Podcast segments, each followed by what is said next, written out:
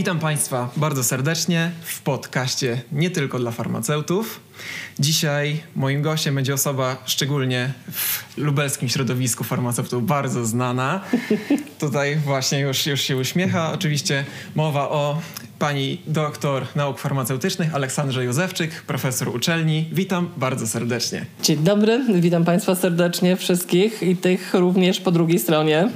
Myślę, że przede wszystkim tutaj warto też wspomnieć na samym początku o funkcji, którą pani pełni, ponieważ cały podcast odbywa się w ramach Towarzystwa Studentów Farmacji oddziału lubelskiego. Pani jest naszym opiekunem. Chciałbym zapytać przede wszystkim, jak wygląda ta współpraca? Jest już pani no, dość doświadczoną osobą, więc jak to, jak to wygląda? Jak, jak, jak to jest być takim opiekunem? Z czym to się wiąże? Jak pani ocenia tą działalność studentów w ramach PTSF Lublin? Czy ja wiem? Tak naprawdę e, to chyba jednym z najważniejszych momentów e, e, w ogóle w tym moim opiekuństwie organizacji był fakt, że to studenci mnie wybrali. Zwykle jest tak, że gdzieś prawda, opiekun czy koła, czy organizacji jest jakby narzucane z góry. Natomiast ja mam tą niewątpliwą przyjemność, że tutaj odbyło się się to dokładnie odwrotnie, czyli studenci poprosili mnie o to, żebym, żebym tym opiekunem była.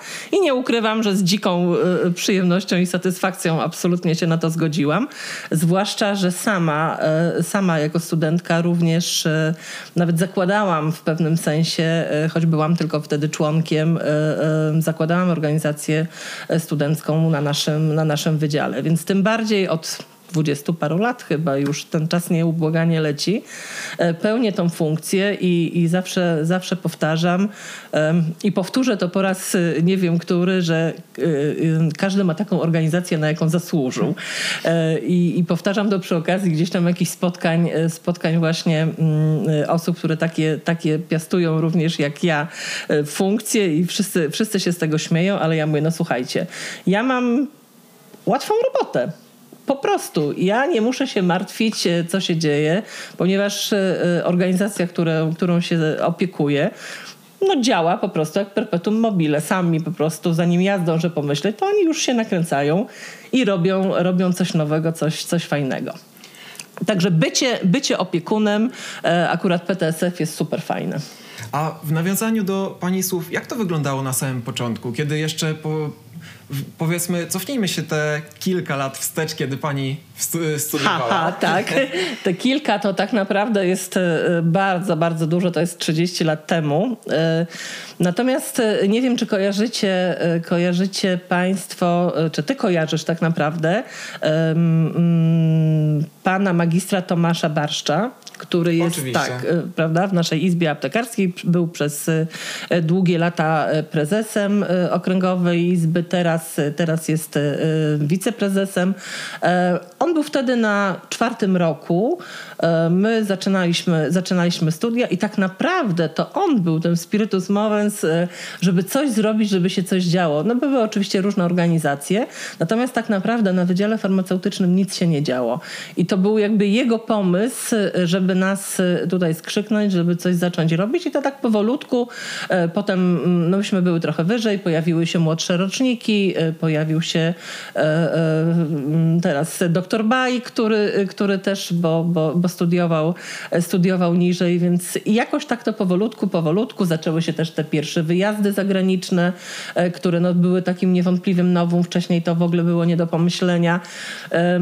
I kręciliśmy się, no taka prawda. No. I, i jak to mówią, e, e, ten LTSF wtedy, PTSF, e, człowiek może wyjść z organizacji, ale organizacja z niego nigdy nie wyjdzie i gdzieś tam zawsze, zawsze powtarzamy to też z kolegą głośno, że ci wszyscy, którzy w czasie studiów właśnie działają, robią coś, coś więcej, takim, którym się chce coś chcieć, to to są potem ludzie, którzy e, i piastują e, gdzieś, gdzieś takie e, wysokie stanowiska i aktywnie działają w różnych samorządach, nie tylko w samorządzie aptekarskim, ale też, też gdzieś tam w tych miejscowościach, w których, w których przychodzi im żyć.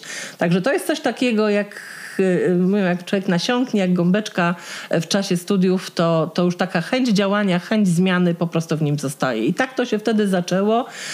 Ja nawet w tej chwili tak oczyma wyobraźni widzę tą starą, starą salę wykładową jeszcze na Staszica, bo tam spotkaliśmy się po raz pierwszy i to takie nieśmiałe było, no tak, no moglibyśmy coś zorganizować, ale czy wyrażą zgodę, czy to w ogóle taka organizacja będzie mogła powstać na uczelni. Okazało się, że może, że nie ma najmniejszego problemu. No i, w ten sposób, w ten sposób zaczynaliśmy sobie działać.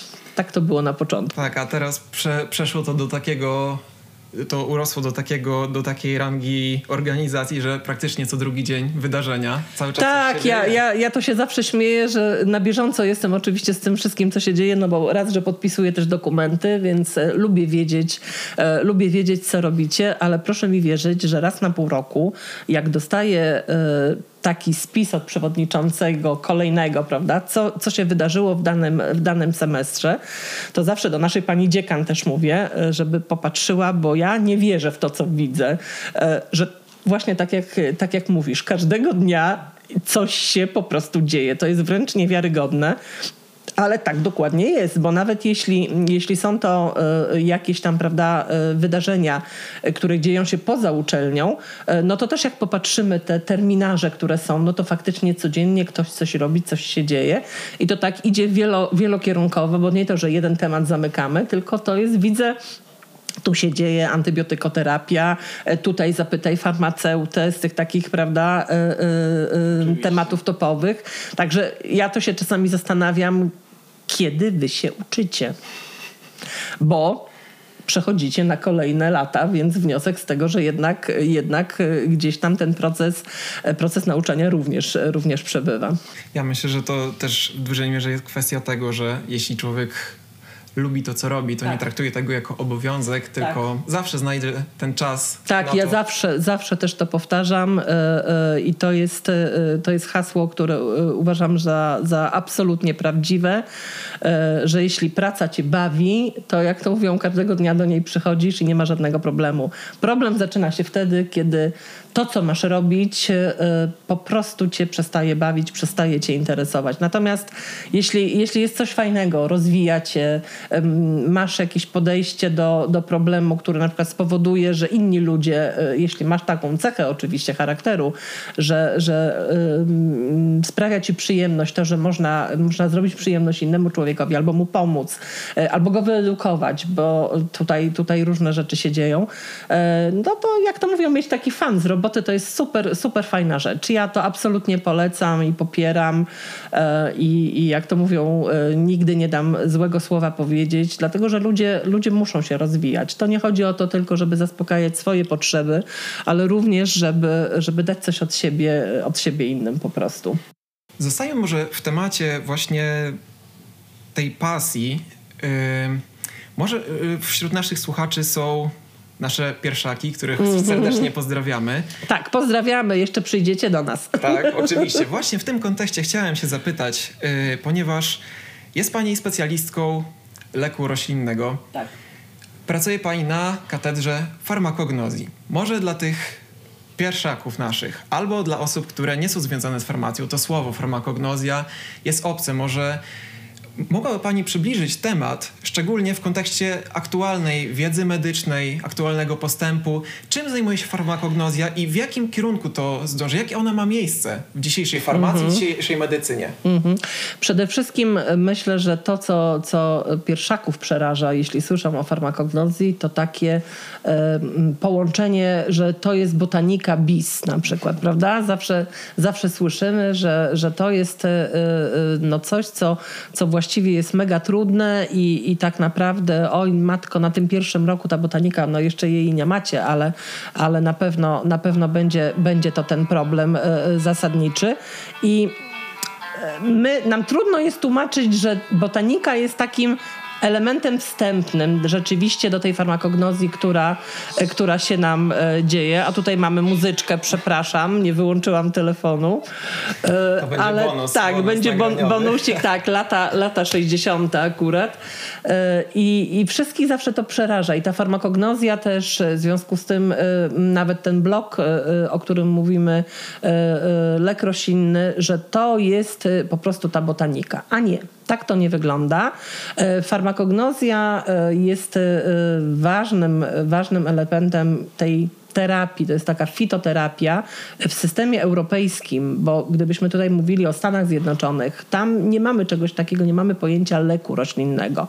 Natomiast w tym naszym systemie terapeutycznym europejskim to jest naprawdę ważny aspekt. I tutaj no nawet możemy się pochwalić, że mamy w tej chwili zajęcia, słuchajcie, z lekarzami.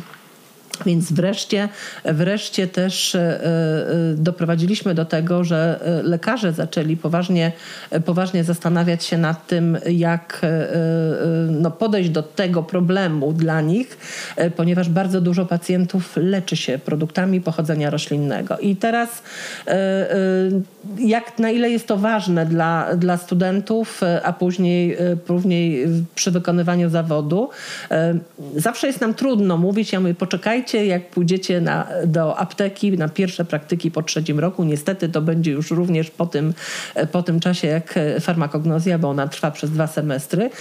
I zobaczycie, jak bardzo wiele produktów w aptece zawiera składniki pochodzenia roślinnego i jak dużo osób korzysta z tej terapii, fitoterapii tak zwanej roślinnej.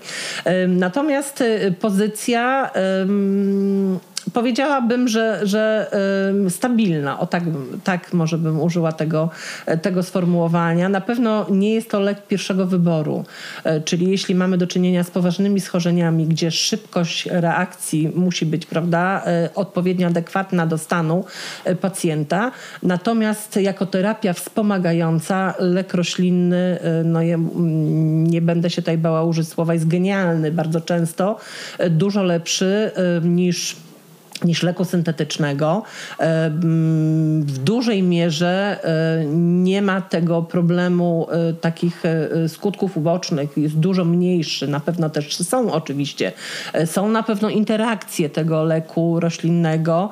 Bardzo często też, jeśli pacjent jakby korzysta z dobrodziejstw substancji roślinnych, ale nie przemyśli tego i na przykład nie poinformuje lekarza, czasami powoduje no, zaburzenia zaburzenie tych terapii y, y, chorób, lekarz nie bardzo wie, co się dzieje, prawda, dlaczego y, leki, które przepisał pacjentowi, nie działają, a tam są proste mechanizmy i to jest jakby nasze zadanie farmaceutów, jeśli widzimy naszego pacjenta, który przychodzi kupuje, prawda, nabywa takie leki, żeby mu tutaj tą informację przekazać. I my od tego jesteśmy. My was właśnie tego na farmakognozji uczymy, żebyście Państwo przede wszystkim nie bali się rozmawiać z pacjentem, ale mieli na tyle szeroką wiedzę z tego obszaru właśnie szeroko rozumianego, bo my uczymy się o substancjach roślinnych, um, uczymy się jak je rozpoznawać, ale nie tak jak było to na botanice, e, że elementy, tylko konkretne elementy diagnostyczne konkretnych substancji roślinnych, tak zwanych substancji farmakopealnych, które mogą być wykorzystywane w produktach leczniczych. My wam dajemy narzędzie e, z wiadomości na temat chemizmu, czyli potencjalnych składników, które mogą być aktywne, które mogą mieć działanie terapeutyczne. I z kolei ta nasza farmakognozja jest takim wstępem do przedmiotu, który jest na czwartym roku, czyli o lekach pochodzenia naturalnego i tam już dodajemy Wam do tego pakietu farmakognostycznego e, tą informację na temat mechanizmów działania i wszystkich tych najważniejszych rzeczy, takich, e, jak to mówią, umieszczonych w karcie charakterystyki produktu leczniczego, jak to mówią, czyli wszystkiego tego, co jest najważniejsze dla, dla tego. Więc to jest taki, powiedziałabym, skonsolidowane dwa przedmioty, których e, no, wiemy, że krążą legendy, że to jest nie do nauczenia. Natomiast ja zawsze powtarzam, tutaj wcale nie trzeba się uczyć na pamięć. Tu mnóstwo rzeczy można zrozumieć, jeśli się tylko, jak to mówią, pozna klucz. My już teraz wiemy, że wy go nie widzicie sami, więc dajemy go wam. E, natomiast no, jest to na pewno niełatwy przedmiot. Natomiast proszę się go nie bać, bo on jest niezwykle interesujący. Tutaj naprawdę e, e, dopiero studenci po trzecim roku mówią, no rzeczywiście, to się przydaje ta wiedza. Nie? Natomiast jak przychodzicie do nas i czy też jest na przykład wybieranie kierunku, mówię tutaj o specjalności, to, to widzimy, że ojej, ojej, to jest nie do przejścia. To nieprawda. To jest naprawdę fajna, fajna rzecz. No, ja jestem oczywiście e, nieobiektywna mm, tutaj w tym, w tym wymiarze, choć sama przyznam, kończyłam blog analizy farmaceutycznej. Jak ja studiowałam, nie było jeszcze, nie było jeszcze leku roślinnego. E, natomiast e, absolutnie jestem, absolutnie jestem w nim zakochana. Ja myślę, że na potwierdzenie tych słów, to mogę też od siebie dodać, że już po tych praktykach w aptece otwartej jestem zdecydowanie y, bardziej pewny tego, o czym pani opowiada i myślę, że to znalazło potwierdzenie właśnie podczas jak tak. ważny jest ten, ten lek roślinny, jak to wszystko działa aktualnie, jak ludzie tego gdzieś szukają, potrzebują. Szukają bardzo. To, to y, przyszedł taki moment y, oczywiście zachłyśnięcia się tą y, taką, prawda, medycyną y, substancji chemicznych, prawda, te nowe leki, y, które się pojawiały.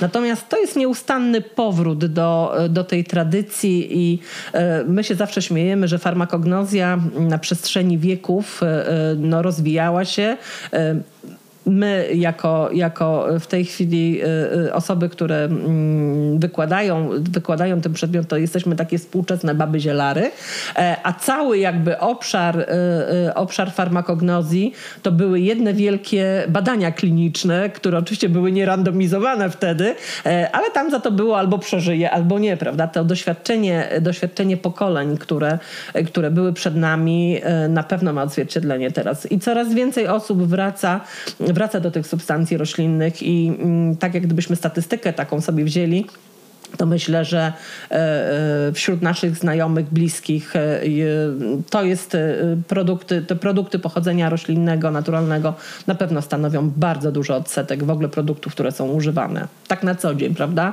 Bo nie mówię o poważnych schorzeniach, choć są też takie leki, które są izolatami. No one już wtedy jakby nie są, nie są lekiem, lekiem roślinnym w pojęciu definicji, niemniej jednak mają te swoje korzenie, korzenie w substancjach roślinnych. W nawiązaniu jeszcze do przyszłości, yy, chciałbym zapytać Pani, jak wyglądały te studia, jak one się przez te lata zmieniły, jak one, jak się studiowało kiedyś w porównaniu do tego, jak studiuje się teraz. Jest Pani czynnym pedagogiem, cały czas ma Pani wgląd, pracuje Pani przy programie tych studiów.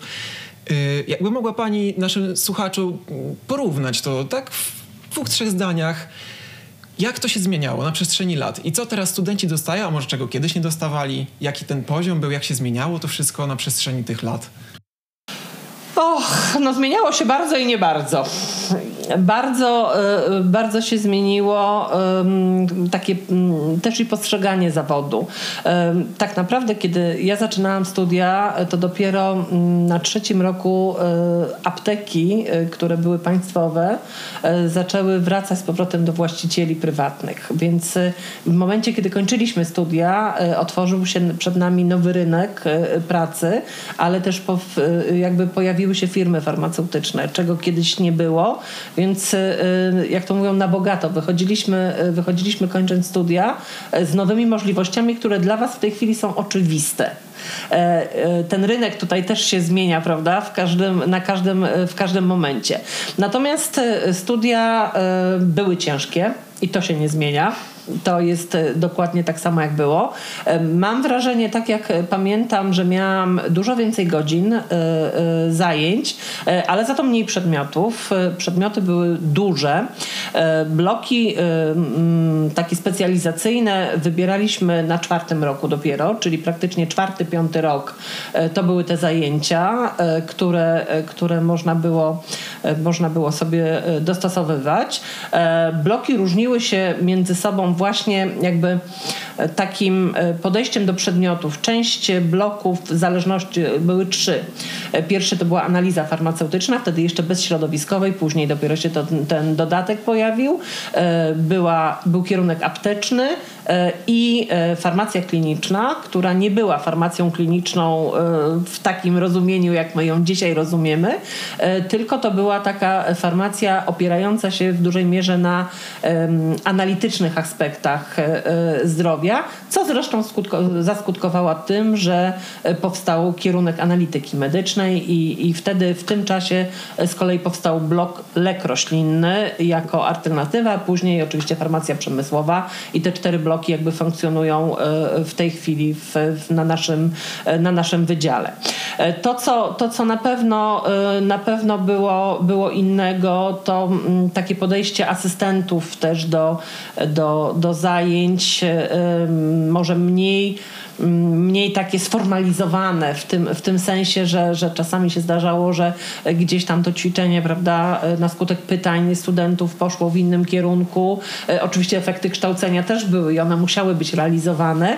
E, niemniej jednak, e, no tutaj myślę, że taka, taka większa swoboda w prowadzeniu, w prowadzeniu takich, takich zajęć mogła, mogłaby być. To, to na pewno. Teraz z kolei współcześnie mamy zupełnie, zupełnie zupełnie e, jakby inne podejście. E, cudowni asystenci, profesorowie, o których e, no mówię do dzisiaj, do dzisiaj z rozrzewnieniem tych, którzy już odeszli, wspominamy. Na pewno historie w ogóle niemożliwe i anegdoty z nimi związane.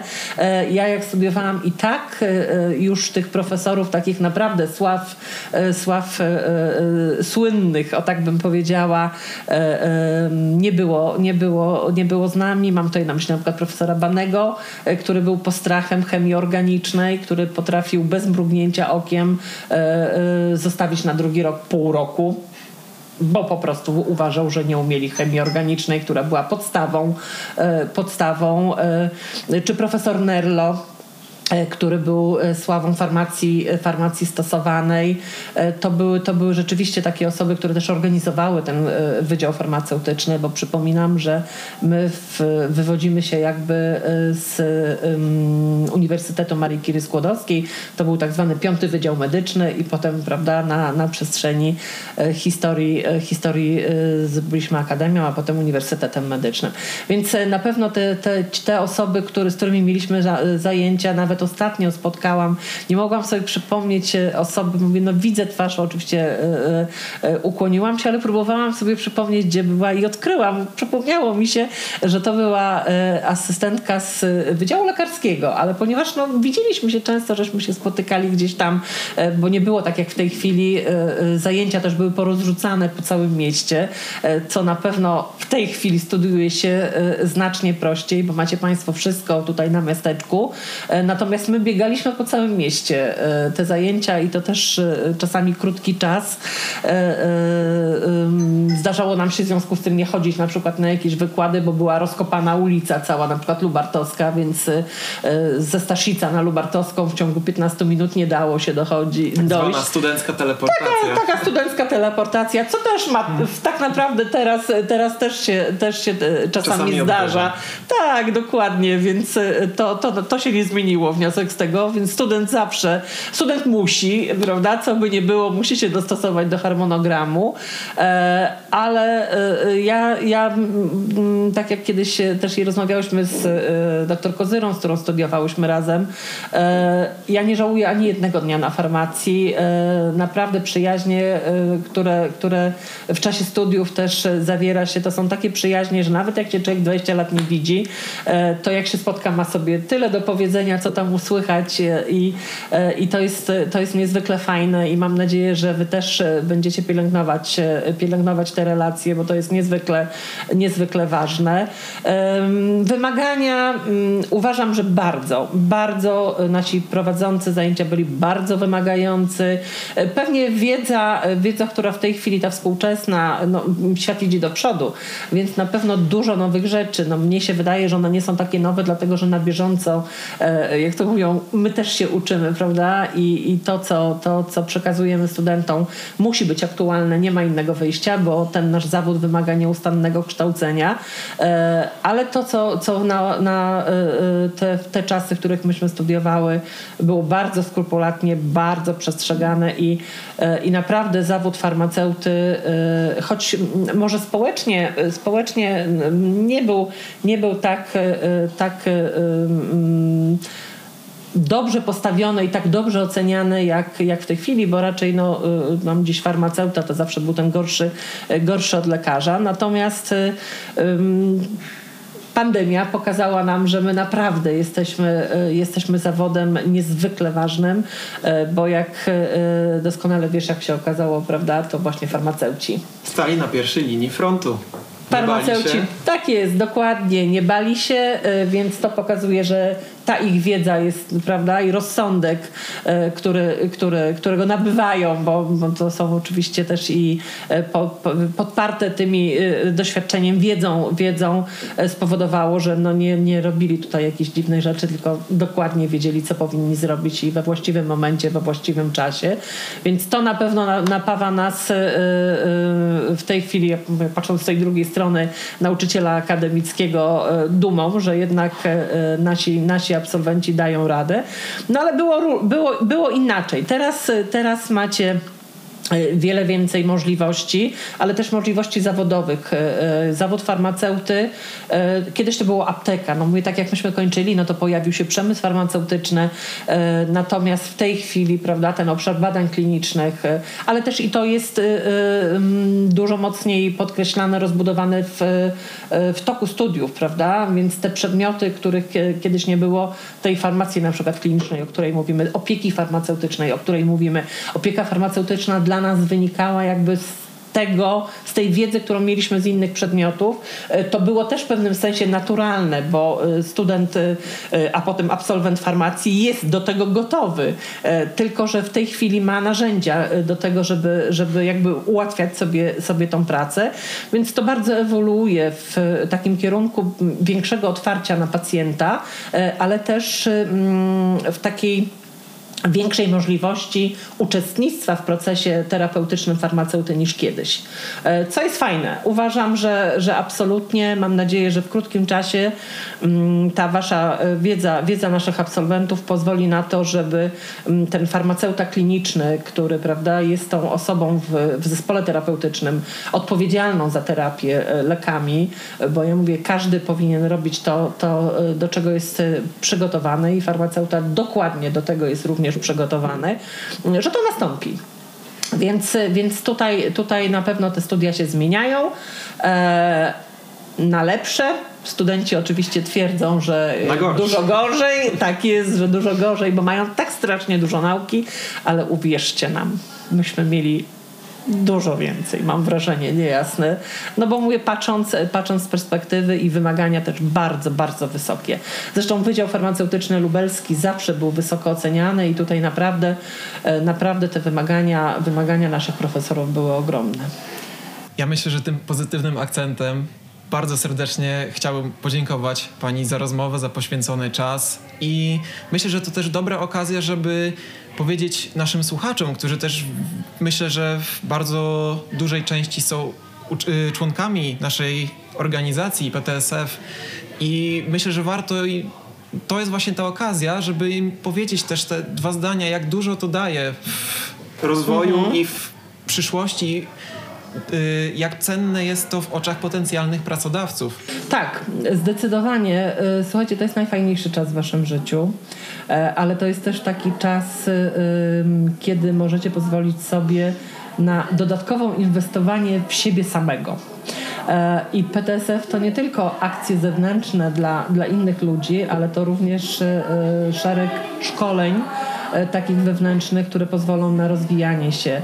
Zawsze w CV e, e, fajnie to brzmi oczywiście i pracodawca na pewno przychylnym okiem patrzy właśnie na to, że w czasie studiów ktoś funkcjonował w organizacji, że aktywnie, i tutaj podkreślam, Aktywność, aktywnie, aktywnie uczestniczył. To nie chodzi o to, żeby się zapisać i po prostu być, płacić Papier składkę. przyjmie wszystko. Papier przyjmie wszystko, ale tak naprawdę pisząc wtedy w takim CV człowiek po prostu może, jak to mówią, użyć e, słów, które osoba nie wiedząca o co chodzi, no na przykład napisze tam kocham film, książkę i tak dalej, prawda? Natomiast osoba, która aktywnie uczestniczy, potrafi na ten temat y, y, coś powiedzieć. I zwykle jest tak, że pracodawcy y, zahaczają, prawda? Natomiast praca zespołowa w grupie, która jest ta, to inwestowanie, nabywanie takich umiejętności miękkich, które naprawdę przydają się w dorosłym życiu, to jest, to jest coś bardzo ważnego. I tego, jak to mówią, nikt nigdy wam nie zabierze,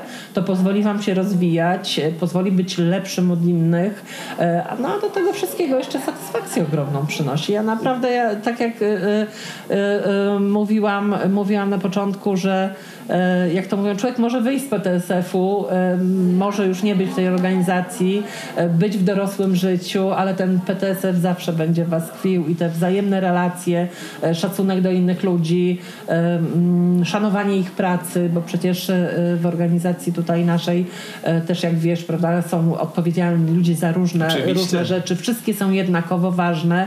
Jedna bez drugich nie może funkcjonować.